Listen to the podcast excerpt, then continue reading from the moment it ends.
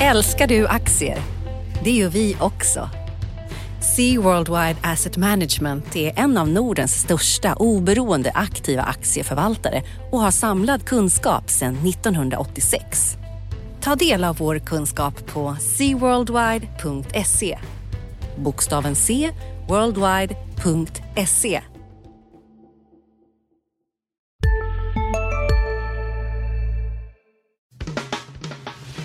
Analyspodden från Dagens Industri. Hej och välkommen till Analyspodden, Dagens Industris veckoliga sammanfattning kring det viktigaste som har hänt på finansmarknaderna. Jag heter Viktor Munkhammar och eh, med mig har jag Johan Wendel. Tjena! Hej Johan, hej! Ja, för er som har följt det här förut så eh, är det väl uppenbart att jag kommer prata med er om makrosaker medan Johan kommer prata om börsen. Och det är ju så väl att rapportfloden är igång. Det är en del tungviktare har redan kommit ut. Nu på morgonen Volvo, som ju är ett jätteviktigt bolag.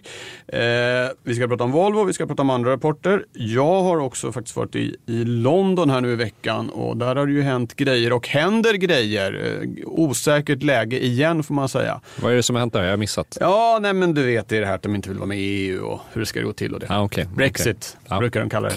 Ja, eh, och så ska vi prata om en hel del andra saker. Men Johan, jag tänkte att du ändå skulle börja med Volvo-rapporten som ju kom här nu på, på morgonen.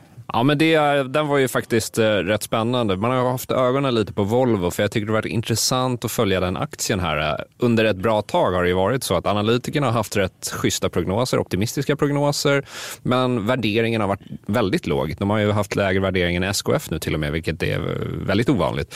Eh, så att investerarna har ju varit skeptiska av olika anledningar och när man såg den här rapporten idag så förstod man, okej, okay, det är därför ni är skeptiska. Ja. Konjunkturoro gissar jag då. Konjunkturoro, absolut, absolut. Han, Martin Lundstedt och Volvos vd flaggar här för lägre efterfrågan framöver på anläggningsmaskiner bland annat. Och ser man eh, Nordamerikamarknaden där för lastbilarna, där sjönk orderingången med 81 procent tror jag det var. Mm. Det är en ganska brutal nedgång. Mm så säger de liksom att ja, men vi hade ett extremt bra jämför, eh, jämförelsetal och så vidare, eller hårda jämförelsetal och så vidare. och så vidare. Men det är onekligen tufft. Men jag kan tycka så här, jag blev lite förvånad över reaktionen ändå. Att den bara är ner två 3 där på eh, fredagsförmiddagen. Jag trodde den skulle gå ner mer faktiskt. För orderingången totalt var väl också klart sämre än väntat? Det var inte bara Nordamerika, eller var det det som var det eh, stora eh, sänket? Exakt, exakt. Men jag, jag skulle ändå säga att Nordamerika var det stora sänket för ja. mig. I alla fall när jag läste rapporten stack ut verkligen den siffran. Ja. Uh, så att, uh, men, och, och, och, det är ju det som vi kanske snackade för inför här, uh, vad heter rapportperioden, att det är så här det kommer se ut i verkstad och industribolagen. Att man säger att ah, men det går helt okej okay, fortsatt, men det är lägre efterfrågan. Och eh, det är väl lite samma sak som Assa Abloy här, lås, låsbolaget, har också kommit på morgonkvisten. Och de prickade ju förväntningarna ganska precis och eh, spår, eh, hade en organisk tillväxt 4% här i Q3. Det är negativ tillväxt i Kina, men som vår kollega Micke Wilenius påpekar, det är medvetet för de är mer selektiva med affärer där. Det stora sänket var kanske att eh, Sydkorea går så pass svagt. Det är ju väldigt, de ligger väldigt långt fram med sina det är eh, moderna elektroniska lås och så vidare. Det är inga, det är inga, det är inga manuella lösningar där inte. Eh, och det, det, var väl kanske det stora sänket. Men där var det också så här, samma sak. Man kunde utläsa att det är lägre efterfrågan framöver här. Ja. Ja, och, okay. det bekräftar ja. väl den bilden som har kommit från diverse konjunkturindikatorer under ganska lång tid nu. Att inte bara Sverige utan hela den globala ekonomin går mot en avmattning. Då. Ja, ja. Ja. Uh, och sen så om jag bara ska ta den sista rapporten här som har kommit under morgonkvisten så var ju det medicinteknikbolaget Getinge. Där är det inte lika mycket konjunkturspel eh, eh, uh, uh, så att säga och det är ju en aktie som går otroligt starkt här. Nu i eh, liksom talande stund här när jag står här i studion då och snackar så är Getinge upp med 17 procent idag. Oj, oj, oj. Det är en schysst uppgång får man ju inte säga. Verkligen. Så att, eh, och jag kollade runt lite och de eh, levererar ju liksom bra marginalförbättring eh, bland annat. Och sen så är det här en aktie som har varit rätt blankad också, så det är nog kanske en liten så kallad short squeeze i den här rörelsen som vi ser idag, tror jag faktiskt. Och, eh, ja, sen så, men en annan grej som jag sa igår, jag stod och körde den här Rapportmorgon som vi sände tidigt på morgonkvisten. Just det, i tv. Ja, och eh, liksom, det känns som att den grejen som ingen pratar om är den svaga kronan. Alltså, de här bolagen får väldigt mycket draghjälp nu av den svaga kronan som liksom mjukar upp det här konjunkturinbromsningen som vi ser. Eh, ändå förbättrar siffrorna. Eh, jag, sa att, jag sa att Stockholmsbörsens eh, bolag, det påminner lite om en östtysk OS-trupp, därför det är rätt dopat just nu. Ja. Och eh, ja, men det, det, det är så det känns verkligen. De får en krockkudde av den här svaga kronan. Ja. Ja. Eh, så att jag tror att man ska verkligen tänka på det när man kikar på siffrorna, att det kanske är sämre än vad man tänker att det är. Ja, ja. Om man inte tänker sig att kronan ska fortsätta försvagas förstås. Då, är det, då är det, blir det ännu bättre. Som en av dem jag pratade med i London, en eh, internationell eh, investerare, Pimcos eh, valutachef. Pimco är ju en av världens absolut största fondförvaltare. Han sa att ja, kronan är ju väldigt billig men det är svårt att se något omedelbart som skulle få den att studsa upp. Det var just konjunkturen han lyfte fram där. Att starkare konjunktur kommer gynna kronan och en hel del andra lite sådana här mindre handelsberoende valutor. Men om vi ska fortsätta London och den stora grejen förstås är ju Brexit. Eh, och där eh, finns det ju igen ett avtal som den eh, brittiska regeringen och EU är överens om. Eh, den här knäckfrågan om Nordirland har ju löst med att man har gått tillbaka till det som EU först föreslog, nämligen att man i praktiken Eh, gör förtullningen i Irländska sjön mellan då ja, Storbritannien och, eh, och eh, Irland. Och nu är ju eh, eh nästa problem då igen att eh, få parlamentet att rösta igenom det här och den omröstningen ska hållas imorgon lördag. Det är faktiskt bara fjärde gången tror jag på 80 år och första gången sedan Falklandskriget 82 som parlamentet sitter på en, en lördag. Um, och det blir ju högintressant. Den, den uh, omröstningen uh, kommer faktiskt sändas i uh, DI-TV. om, om man vill sitta och knarka uh, parlamentsdramatik från, från London så kan man göra det på DI-TV imorgon. Ja. det där var ju fascinerande. Första lördagen, på, eller vad var det, fjärde lördagen på 80 år. har, vi no, har vi några norrmän som lyssnar på det här, de kommer ju, liksom, de kommer ju svimma, jobba på en lördag. De har ju nästan tre dagars veckor norrmännen. Säkert parlamentsledamöterna i, i Storbritannien eh, också. Men de har ju ett antal barer där i parlamentet att trösta sig med ifall det eh, känns för jobbigt. Eh, nej men det här är ju, det, det, är ju inte, om, om det nu blir så att det här avtalet kommer på plats så är det en ganska stor lättnad konjunkturellt. En, en, det är fortfarande en det som för vi för några år sedan kallade en hård Brexit. De alltså lämnar ju gemensamma marknaden, de lämnar tullsamarbetet men det är åtminstone inte en avtalslös Brexit. Så det skulle vara en lättnad jämfört med hur det kanske har sett ut att bli den, den senaste tiden. Och samtidigt så fick vi ju då för bara några dagar sedan på plats det här så kallade miniavtalet eller fas 1-avtalet mellan USA och Kina som ju inte på något sätt löser alla problem de länderna har. Det tror jag är en eh, saga som vi kommer få dras med ganska länge men det är åtminstone någon slags vapenvila där. Och så det, är, det är ju två stycken eh, positiva konjunkturfaktorer i så fall att de här eh, våta filtarna lite försvinner. Eh, men som sagt, det ska röstas igenom först, eh, Brexitavtalet, eh, innan det blir verklighet och vad gäller USA och Kina så är det nog eh, eh ja, det kommer att vara fortsatta spänningar men kanske åtminstone lite eh, nedtrappning. Då. Så att, eh, lite positiva eh, eh, konjunkturbesked från politiskt håll då den här veckan. Med förbehållet att brexit-avtalet ska röstas igenom som sagt. Exakt, det är ju den. Jag såg att eh, nu är de ute och whip, uh, whipping votes som de säger. Jag såg att Jacob Rees-Mogg, här, den konservativa hårdföre brexitören som han brukar kallas, stod mm. i parlamentet igår och kallade det här avtalet för the Tornado Rossini of deals. Vilket då är, Tornado Rossini är ju då en rätt som involverar det är den finaste delen på oxfilén va? Och så är det ankfett och såna här grejer.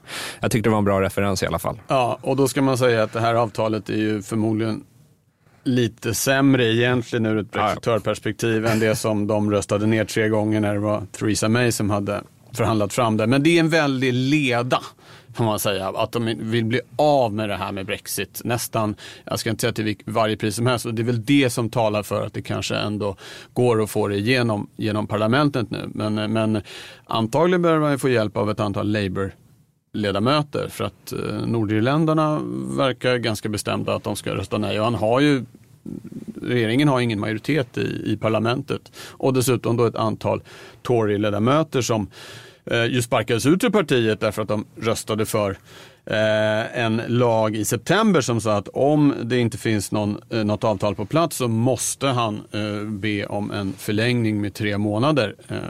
Och då var det tack och hej och de rösterna behöver han nu också. Så det blir väldigt spännande. Ja, hög puls i imorgon. helgen. Hög puls i helgen, precis. Tidigare i veckan från min horisont, vi fick en ny rapport från IMF också eh, som eh, tror att tillväxten i världen i år blir den lägsta sedan finanskrisen men att det kommer en uppstuds redan nästa år. Och det kan det bli, men det bygger nog på att vi får en ordnad Brexit och att eh, de här handelskonflikten förbyts i något bättre i så fall. Men det var IMFs bedömning.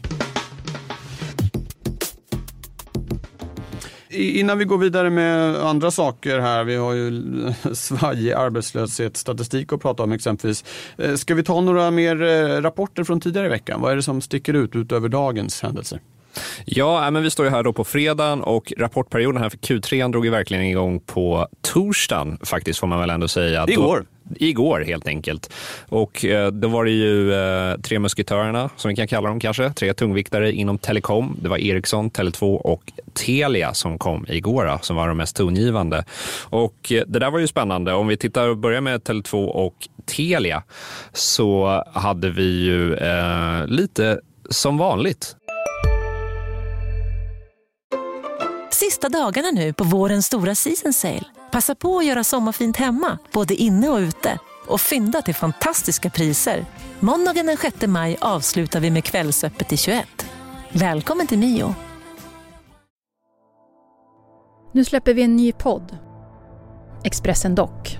Einar han, går in i fel gård, förstår du? Och sen där, en annan skytt jag tror kommer emot han och, och fortsätter skjuta. Lyssna på premiäravsnittet.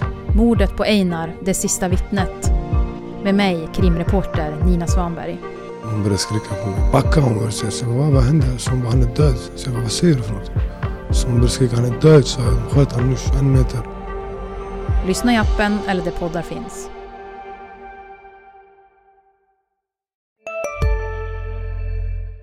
Tele2 gör det lite bättre än man har väntat sig. Aktien går upp. Tele2, eller Telia gör aktieägarna återigen besvikna. Eh, och eh, Telia då, då, bland annat att man eh, ställer in återköpsprogrammet. Man skulle köpa, under tre år skulle man köpa tillbaka aktier för 15 miljarder kronor. Man har köpt för 10 miljarder kronor. Nu säger man nej, vi avslutar det. Och det där är ju någonting som har hållit uppe aktien. Det är ju en av de största nettoköparna av aktien här. Och eh, det var framförallt det som sänkte Telias aktie igår. Men eh, sen var det så också att det var kanske en rapport som rent opera, operativt så var det kanske lite bättre än tidigare kvartal, även om det inte är något att super att heja för.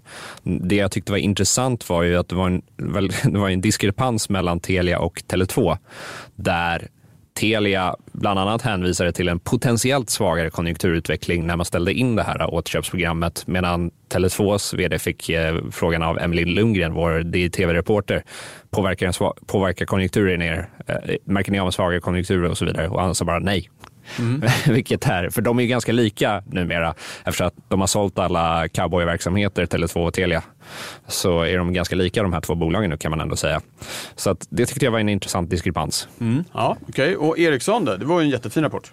Ericsson var en jättefin rapport där. Det var, jag stod där som sagt då i Rapportmorgon igår med vår eh, eh, eminente Ulf Pettersson, vår kollega. Och eh, han, så, hans initiala reaktion var ju så här, ja men Ericsson ska upp 10% Sen började vi grotta lite i siffrorna och så här, vad, hur bra var egentligen det justerade rörelseresultatet och så vidare. Men eh, aktien fick ju ändå bränsle av det här. Man behåller det här marginalmålet för 2020, men, eh, och man gör väl en semantisk justering för marginalmålet för 2022 där man säger tidigare sa man över 12 procent. Nu specificerar man detta till 12 till 14 procent så att analytikerna får något eh, intervall att gå på. Och eh, aktien gick ju då som sagt upp strax över 6 igår, då, Ericsson, och det var ju en väldigt kraftig rörelse till att börja med. Och det är väl någonting jag tycker att man säger generellt på eh, aktierna nu på rapportdagarna. Det är stora rörelser alltså. Det är väl också ett, ett, det är ett svårt läge. Hur, hur, mycket har den här signalen om konjunkturavmattning vi, vi har sett, hur mycket har det eh, bitit? I Ericssons värld så är det väl också det här spelet med kinesiska Huawei, hur det påverkar eh, alltså USA-Kina-konflikten där rent vad ska man säga, regulatoriskt. Så att det kanske är, man kanske kan räkna med att det blir ännu större rörelser än vanligt under den här rapportperioden. Absolut, absolut. absolut, absolut. Jag ba, jag ba, det här är en personlig reflektion. En personlig reflektion ja. baserat på den vetenskapliga magkänslan så att säga. Ja. Eh, men min bild är att Mifid har bidragit till det här eh, och eh, de här estimatförändringarna som har varit. Det är liksom, estimaten är ju inte ute i marknaden på samma sätt längre utan alla håller de korten tätt intill och det är ju en Mifid-förändring som har varit. Ja. Så att, ja, jag vet inte, jag tycker det märks. Det är ja. bara någonting ja. jag har tänkt. Ja, och eh, apropå oklarhet kring siffror då, ska vi ta det här med, med arbetslösheten. Den visade sig att den eh, även i september var 7,4 procent säsongsrensat. Eh, den har ju överraskat negativt flera månader på raken nu. Eh, och det är ju verkligen illavarslande. Vi skulle i så fall i år ha den liksom snabbaste uppgången i arbetslösheten sedan 2009 som ju inte var något drömår. Men samtidigt berättar då, då SCB att ah, men de här siffrorna ska ni nog inte titta så mycket på för vi har jättestora problem med datainsamlingen. Så att nu vet man liksom varken ut eller in nästan vad, vad, hur det står till på arbetsmarknaden. Eller det var att ta i. Vi vet att eh, den har försämrats men hur mycket är svårt att säga. Eh, så det var, eh, SCB ska återkomma med eh, besked kring, försöka liksom få ordning på den här statistiken. Men en, preliminär bedömning är väl att de tidigare kanske har överskattat styrkan lite på arbetsmarknaden och nu kanske underskattar den eh, eh lite grann. Men det är eh, högst olyckligt eh, i detta läge att SCB har problem med eh, eh, kvaliteten. Och vem är det som har gjort fel här då? det vet jag inte. Det ska väl SCB utreda. Ett, ett, ett, problem som SCB och andra insamlare generellt ju har är att svarsfrekvensen sjunker. Folk är inte lika villiga att ta sig tid att svara på ifall de har jobbat minst en timme den senaste tiden. Jag svarar aldrig på sånt där. Nej, du, ser, du är problemet. Ja. Eh, Varsågod. Eh, nej, men det, det, är väl, det är väl ett bekymmer de har. Sen så kan det väl vara andra saker också. Jag har inte eh, tittat i detalj på. Liksom. Och jag, eh, vi får väl se när de återkommer och berätta vad det, vad det är som har hänt. Men vi står och famlar lite och det här är ju viktigt exempelvis inför nästa veckas riksbanksbesked. Eh, det man kan säga om arbetsmarknaden är väl i alla fall att om man tittar på andra indikatorer också, så, och, och, och, det var väl många som var inne på redan innan det här beskedet från SCB då, att de egentligen inte vet varken ut eller in, eh, att, att det inte är fullt så svagt som, som den officiella statistiken har visat, men att den, vi absolut ser en, en försvagning. Men, men hur, hur, hur illa det är, och det, det, det, vet vi inte riktigt helt enkelt. Men och det, här, det är inte så bra. Ja, men precis. Det här låter ju trivialt och så vidare. Arbetslöshet arbetslöshetssiffror, det är väl inte så viktigt, tänker kanske några. Men det, det är ju baserat på de här siffrorna som våra politiker och tjänstemän ska fatta jätteviktiga beslut om eh, budgetering ja. och så vidare. Så det här är ju superallvarligt. Offentliga statistiken eh, ska vara bra, ja verkligen. Och det är inte alls bra. Eh, och särskilt då som det ju verkar som att de har haft problem ganska länge så att vi kan inte heller lita på kanske den historiska statistiken, inte bara de senaste månaderna. Eh, så att eh, vi, vi, får återkomma där när, när, när SCB har rätt ut vad som egentligen eh, har hänt. Ehm, men eh, ja, svagare arbetsmarknad men kanske inte riktigt då att vi har en arbetslöshet på så mycket som 7,4 procent i alla fall. Bra, ska vi det här kan... framåt. Ja, jag tänkte det. Apropå ja. arbetslösheten och så vidare, det påverkar ju Riksbanken ganska mycket. Ja, jo, men eh, ska vi ta det då? Det är ju räntebesked nästa vecka eh, och då har ju Riksbanken hittills sagt att räntan ska höjas kring årsskiftet, i praktiken i december eller i fe vid februarimötet. Och sen har det då rasat in svag statistik här eh, sen det senaste mötet och de flesta tror väl att de ska ta bort den där höjningen ur den så kallade räntebanan, alltså prognosen för vad de ska göra med, med eh, räntan. Eh, nu då, om det visar sig att nej, för arbetsmarknaden är ju en väldigt viktig komponent för dem. Om, eh, om det visar sig att eh, det inte är så illa som det kanske har sett ut. Det har nog Riksbanken, det har nog varit deras linje också tidigare att det inte är fullt så illa. Men eh, chansen i alla fall ökade ju något att de ändå håller fast vid den här banan. Ihop med det här som vi var inne på tidigare, att vi nu kanske får en ordnad Brexit och att vi får eh, lite eh, mer positiva tongångar i den här handelskonflikten. Så att eh, det, blir en, det blir ett nytt eh, rysarmöte från att det såg ut som om det var ganska klappat och klart att de skulle ta bort den här tänkta höjningen så är det väl 50-50 läge närmast inför nästa vecka. Ja, lycka till alla traders där ute. Men det känns bara som att de är väldigt angelägna att komma bort från minusräntan. Så har det ju känts länge. Är, de har ju liksom de, om man ska hårdra det lite och vara lite elak så lät de bli att höja räntan när konjunkturen var stark och på väg upp och så började de höja räntan när det började bli uppenbart att konjunkturen har mattats. Sen får man ju tänka på att, att inflationen kan ju komma senare det här men de ska ju vara framåtblickande så att det känns som att de är väldigt, tittar väldigt mycket på lite att de kör med, med, med backspegeln. Eh, men eh, jag tror som du att de jättegärna kommer bort från minus och vill ha upp den till noll i alla fall. Och det är också så den hittillsvarande banan ser ut då. Att just, de sänkte ju banan ganska ordentligt men först efter den här tänkta höjningen till noll. Eh, den neddragen ordentligt framöver så att det blir bara någon höjning per år eh, eh, under resten av prognosperioden. Eh, Men eh, det får vi se. Det blir eh, högintressant nästa vecka och se vad de kommer med för, för besked. Och det lär ju kunna påverka kronan också. Om de nu håller fast vid det här så kommer nog kronan få ett litet ryck. Eh, vad har vi att vänta i eh, rapportväg nästa vecka? Ja, men precis. Nästa vecka fortsätter då rapportperioden med full kraft. Det jag kikar lite extra på då kanske är väl, du har ju ett sjok med spelbolag som kommer nästa vecka. Just det, de är dina.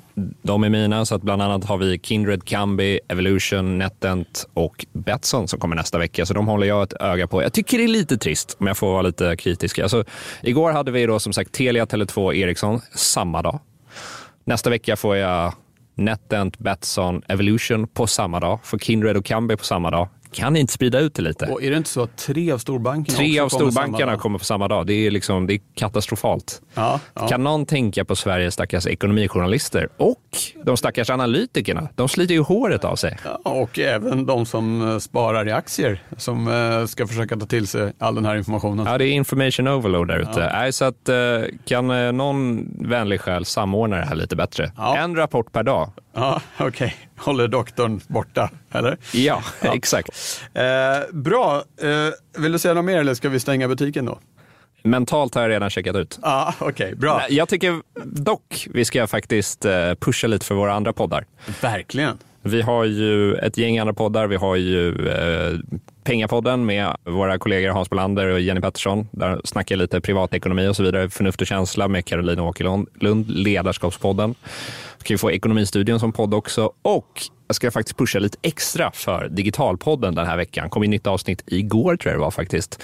Andreas Arenka är med och snackar lite Softbank och det är ju ingen överdrift som han säger att det här är fan Enron-varning på det här bygget. Ja, okay. WeWork och hela historien. Ja, Lyssna. Right.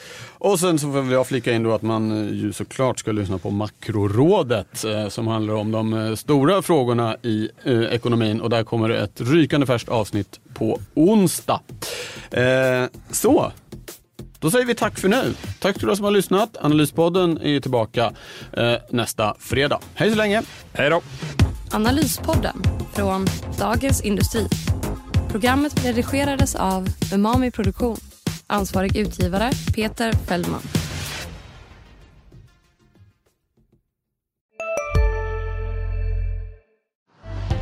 Älskar du aktier? Det gör vi också. Sea Worldwide Asset Management är en av Nordens största oberoende aktiva aktieförvaltare och har samlad kunskap sedan 1986. Ta del av vår kunskap på cworldwide.se. Bokstaven C worldwide.se